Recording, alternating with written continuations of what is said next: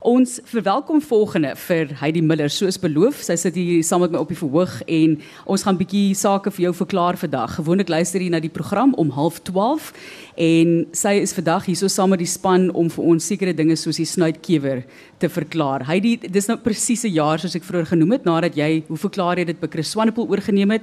Geluk ook met sy verjaarsdag. Dit was onlangs as hy luister. So voel jy slimmer? Op hierdie stadium hoe? Ek kan nou nie vir jou sê dankie Martelies.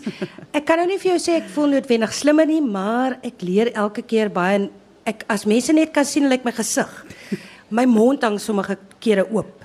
En dan hoor ek ook vir die eerste keer van goed. Soos byvoorbeeld vandag die snuitkewer, my gaste. Ehm um, ons het die entomoloog Henk Geertsema en dan ook later die paleontoloog Yuri van den Heever en Henk gesels hoe ka oor die snuitkewer. Ek moet erken is die eerste keer dat ek hoor van 'n snuitkewer. En ons maak een of ander tyd kennis met soos jy dit noem kalenders in jou huis of in jou tuin. Jy het meer daaroor te vertel. Goed, baie dankie Heidi. Ehm uh, luisteraars, ehm uh, goeiemôre. Ek het 'n brief gekry van Pieter Loubser van Klerksdorp. En hy sê Hy en sy vrou vertroetel al jare lank die paar spinnekop lelies, maar nou ongelukkig die afgelope 2 jaar is die plante gefrinne weer deur 'n uh, gevreetery en hy vermoed dis een of ander kewer en hy dink is 'n snuitkewer. Nou gelukkig het hy 'n baie goeie foto vir my saamgestuur wat inderdaad bevestig dat dit wel 'n snuitkewer is. Nou die snuitkewers of die boere naam is kalanders Uh is 'n baie groot groep van insekte wat wêreldwyd voorkom. Daar is ongeveer 45000 soorte. So ek weet nie van elke soort iets nie, maar daarom van sekere soorte wel iets. Nou dis veral plantvoeders wat hulle is en sommige is baie gespesialiseer. Byvoorbeeld daar's 'n kewertjie Antlerinus wat net op Sikadea voorkom in Suid-Afrika. Wat interessant is, hierdie wyfie het 'n baie lang snoet. En op die punt van die snoet is haar kake. Nou wat hierdie wyfie doen is, sy neem die keel van die uh sikadee en dan boor sy in die sikadee se saad in om uit te vind of die endosperm wel ryp is. Dan draai sy om en dan lê sy eiertjie op die gat wat sy gemaak het en sy druk die eiertjie met haar snuit dieper in die saad in. Dis eintlik 'n baie groot ekonomiese probleem want jy weet Kirstenbos verkoop hulle sade aan die buiteland. Maar die sade moet natuurlik nie besmet wees met hierdie kalenders nie. Dis sommer so terloops. Dan die grootte van die kewers wissel. Van hulle is baie klein, so 1 mm. Ander is weer soos in Afrika tot 60 mm, so 6 cm. Dis 'n groot snuitkewer. Kleur is die algemeen donkergroen En dan kry mense in Papua Nieu-Guinea die pragtigste groen kewers, snuitkewers. Hulle is almal dagaktief, maar meeste van ons wat pla is in die tuin is nagaktief en dis hoekom mense hulle nooit sien nie. Hulle voed of skuil veral in kompos of in bas. Dit is baie stadige bewegings en as die mense hulle versteur, dan gaan hulle in 'n sogenaamde skyndood. Hulle hardloop nie weg nie maar hulle val net asof hulle dood is. Na so 10 minute begin hulle weer beweeg en rondloop. Hulle larwes is witterig, dit lyk baie soos miswurms, maar die miswurms is langwerpig terwyl hulle larwes is komma vormig. Party van hulle vorm galle in plante en baie van hulle kom in mis voor. Ons het natuurlik alles gehoor van die Asiatiese baskewer die afgelope tyd. Dit is nie 'n snuitkewer nie soos hulle sê, maar dis 'n baskewer. So hulle is bietjie foutief in daai opsig. Maar kom ons terug na die brief van Pieter Muller. Van die foto af kan ek aflei dat hierdie kewer is die Brachycerus ornatus. Brachy verwys na kort, cerus verwys na die voelers so die kortvoeler en dan ornatus verwys na die ornamental. Met ander woorde, die kewer is ligbruin met pragtige rooi kolle. Vandaar die boerenaam die rooikol lelie snuitkewer. Dis 'n baie mooi lang naam. Uh die kewer is algemeen in Suider-Afrika, Wes- en Oos-Afrika ook, maar veral in Suid-Afrika. En die hele groep beslaan uit ongeveer 50 soorte. Hulle is peste of pla op alwyne en dan veral op lelies. En die Karoo lelie en varkore is van die wat die meeste onder hulle aanvalle ly. Hulle eiers is groot. Mense kan sê dis vol struis onder die kewers. Die kewer, byvoorbeeld op die varkore is ongeveer 20 mm lank, maar die eiertjie wat uit die wyfie uitkom is 6 mm. So dit is 'n redelike baringsproses wat sy moet ondergaan en sy lê na lewe 3 van sulke groot eiers. Die larwe boor in die grond in, kom uit en na omtrent 3 vervellings vorm dit 'n papie. Die papie lê vorm 'n grondsel, met ander woorde 'n kokon wat gemaak is van grondbestanddele en dan later aan verskyn die kewer. Nou die eierlegging is eintlik in die in die lente, net na die goeie reëns, wanneer die plante begin groei en blom. Die larwe broei uit en beweeg na die die blaarbasisse waar dit begin vreet en die blare gaan dan dood. Die volwasse kewers knag aan die bolle of die knolle van hierdie lelies. Na omtrent 5 maande verpop hulle in die grond en dan verskyn die volwasse kewers eers na die eerste reën of die laat somer. Met ander woorde, hulle is baie vog afhanklik. Nou vra Pieter Miller, hoe kan ek hulle bestry? Natuurlik, mense is altyd huiwerig om insektemiddels voor te skryf op hierdie program. Maar nommer 1, ons mag nie handelsname gebruik nie. Maar 'n mens kan wel die algemene naam gebruik en die een is Imidacloprid. Dis 'n algemene insektemiddel wat vir tuininsekte gebruik word. En dis 'n sistemiese middel. Met ander woorde, dit word deur die plant opgeneem. En wanneer die insek aan die plant vreet, kry die insek op dië manier die gif in sy stelsel in belangrik is is die juiste tyd van toediening. Dit help nie om die gif te gooi of te gebruik as die kewers nie in 'n aktiewe groei of vreedstadium is nie. Die kewers oorwinter in groepe, ook interessant, onderskuiling onder grondoppervlak. En jy sal vind dat kalanders of snytkewers in die tuin kom gewoonlik voor wanneer 'n goeie komposlaag is, want hulle skuil onder in die komposbedekking. So 'n mens moet die plante vroegtydig behandel sodat die plant die gif kan opneem sodra die larwes of die volwassenes aan die plant begin voed, kry hulle van die gifmiddel in en hulle verdwyn van die toneel. Mens kan hulle ook handversamel, maar wat maak jy met die kewers? Ongelukkig trap die mense hulle dood, maar dis 'n pragtige kewer. Hou die ding solank dit nog lewe. Dis 'n mooi skepsel. As die plante in potte gehou word, is die beheer van die plante baie makliker want 'n mens kan 'n bietjie insektemiddel in die pot toedien en jy affekteer nie die aardwurms en so in die tuingrond self nie. Pieter Muller, baie dankie vir 'n interessante vraag. Ek hoop ek het jou voldoening gegee met my antwoord.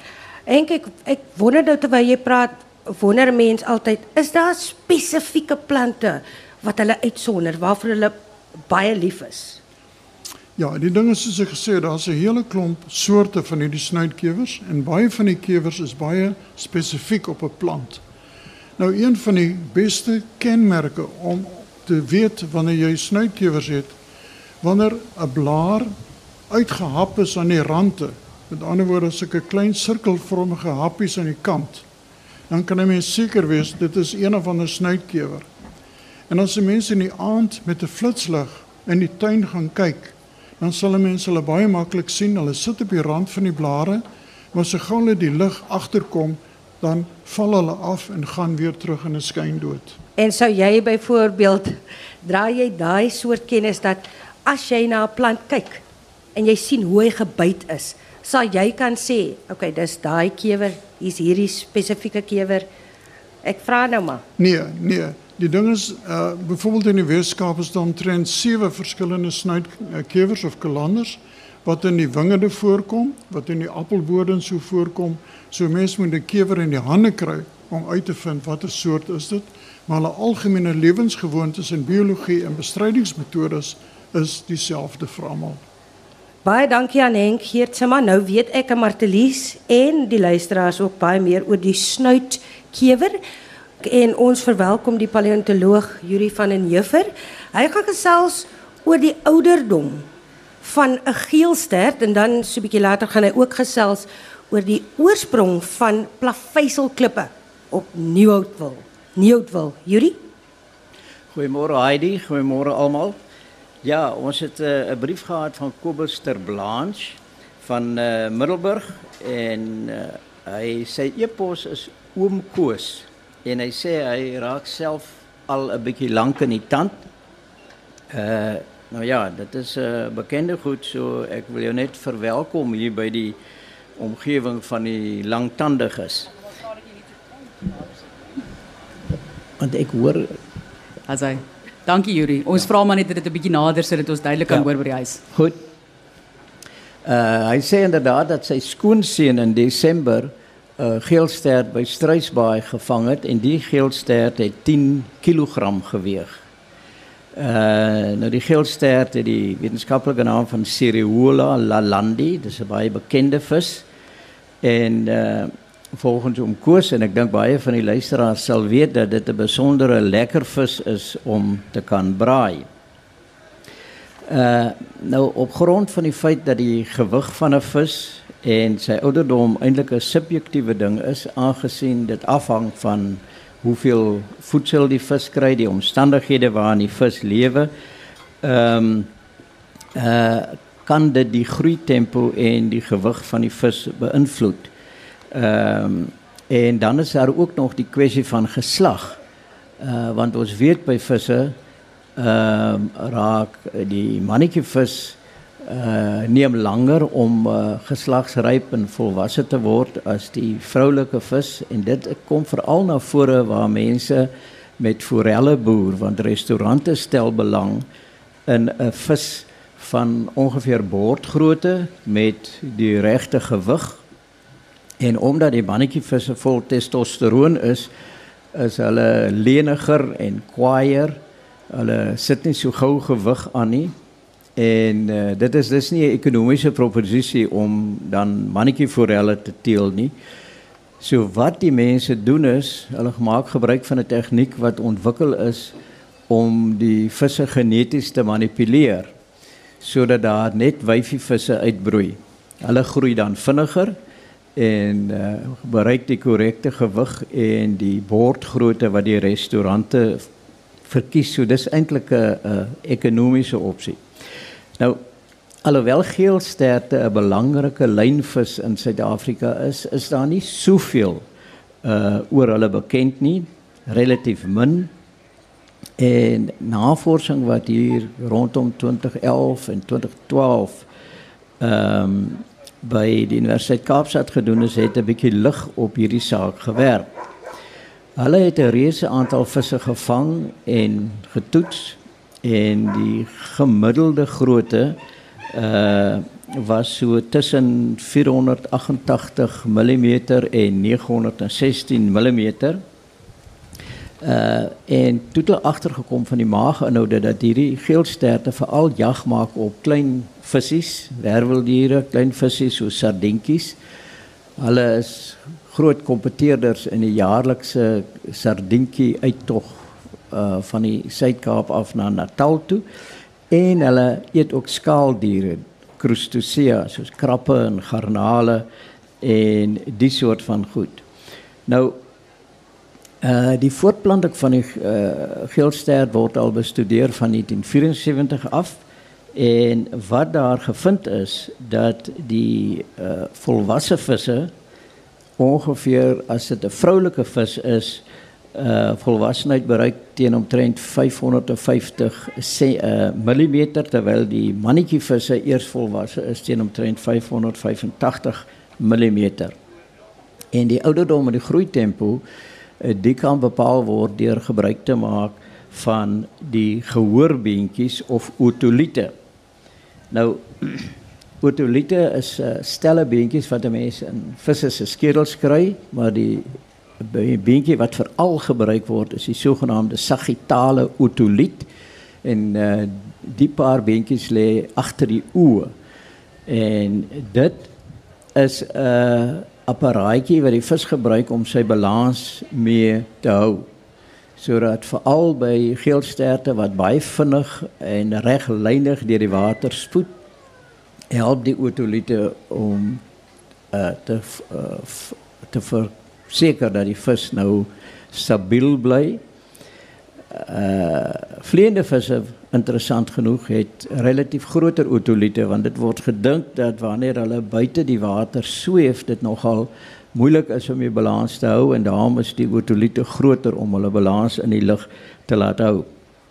Nou otoliete groei saam met die vis en dit uh werk sodat daar kalsiumkarbonaat voortdurend neergelê word, maar omdat die vis stadiger in die winter groei en dan vinniger in die somer uh is die groeiringe wat neergelê word nie van dieselfde breedte nie. Baie soos die groeiringe van 'n boom byvoorbeeld.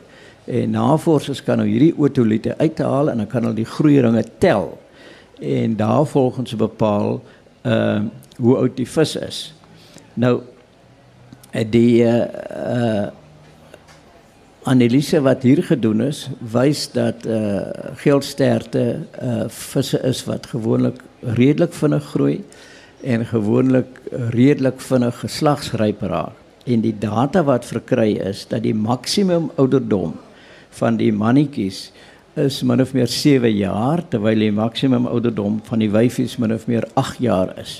Dus as daar nou 'n uh, geelstert gevang is van 10 kg, ek neem aan Kobus, julle het nie die lengte gemeet nie of in, met die met die slag van die geelvis het julle nie gekyk of dit 'n wyfie of 'n mannetjie is nie.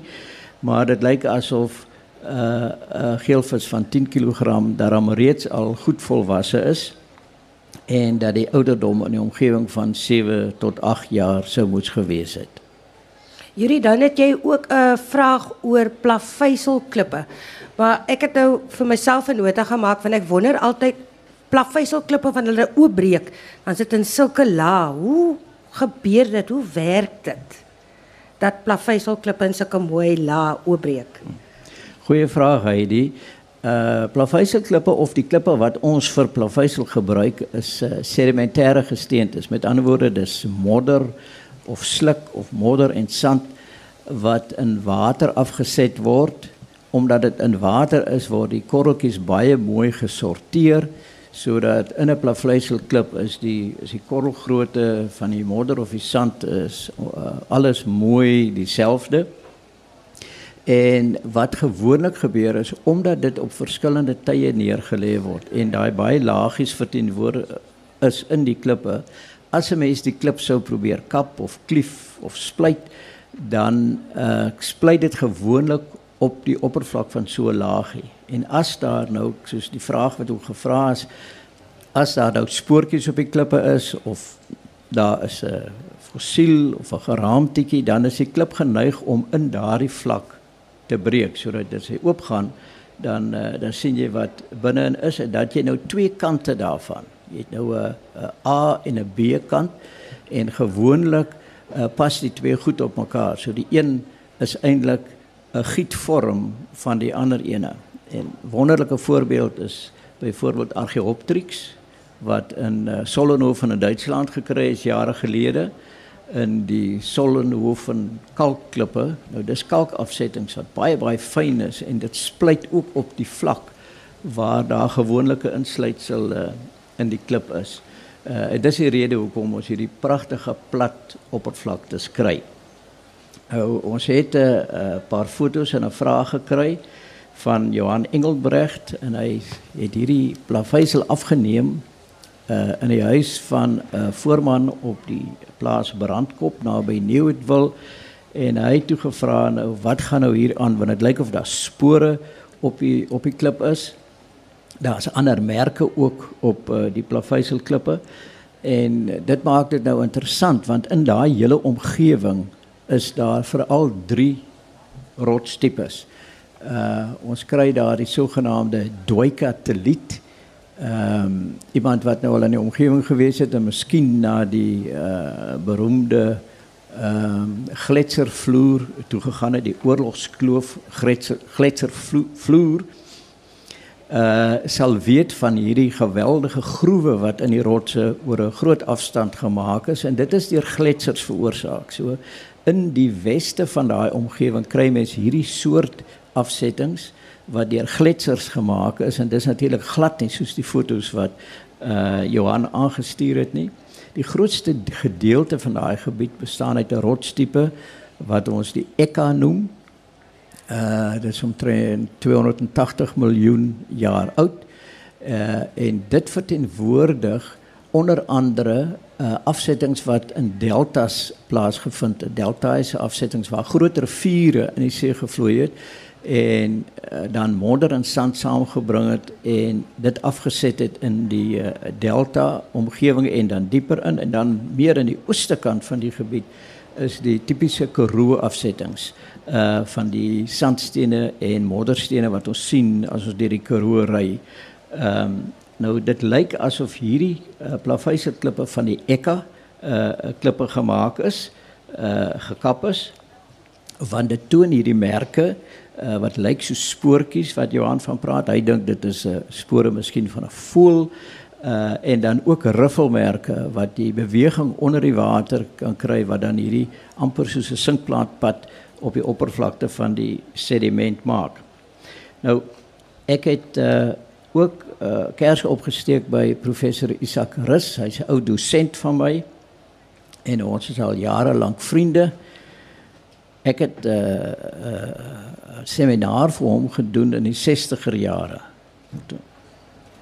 En die seminar het hy toe vir my, dis 'n seminar oor die eerste rivier en dit het my toe 'n punt van 58% gegee wat ek gevoel het wat bietjie min was. Nou ek het Lona was nou die dag by sy 80ste verjaardag. En toe het ek hom gevra.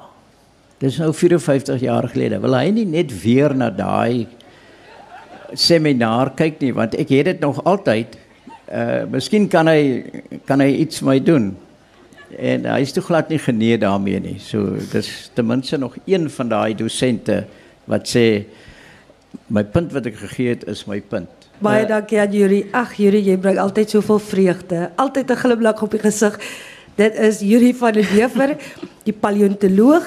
Baie inter interessante gesprek. Nou weet ek en jy weer eens ja. meer Martelies bring. Ek, ek wil net sê ek ek sê ek weet nie of ek nou meer bekommerd moet wees oor die gaste wat jy nooi vir jou program ja. wat 58% kry of ons eintlik nou maar uh, in opstand moet kom teen die lektor wat durf om vir Yuri van die Wever vir alle mense 58 te gee nie. Maar baie dankie Yuri weer eens. Ons kan heeldag nie luister. Ons weet julle doen so baie navorsing vir hierdie vrae en ons verwelkom dit altyd en waardeer dit.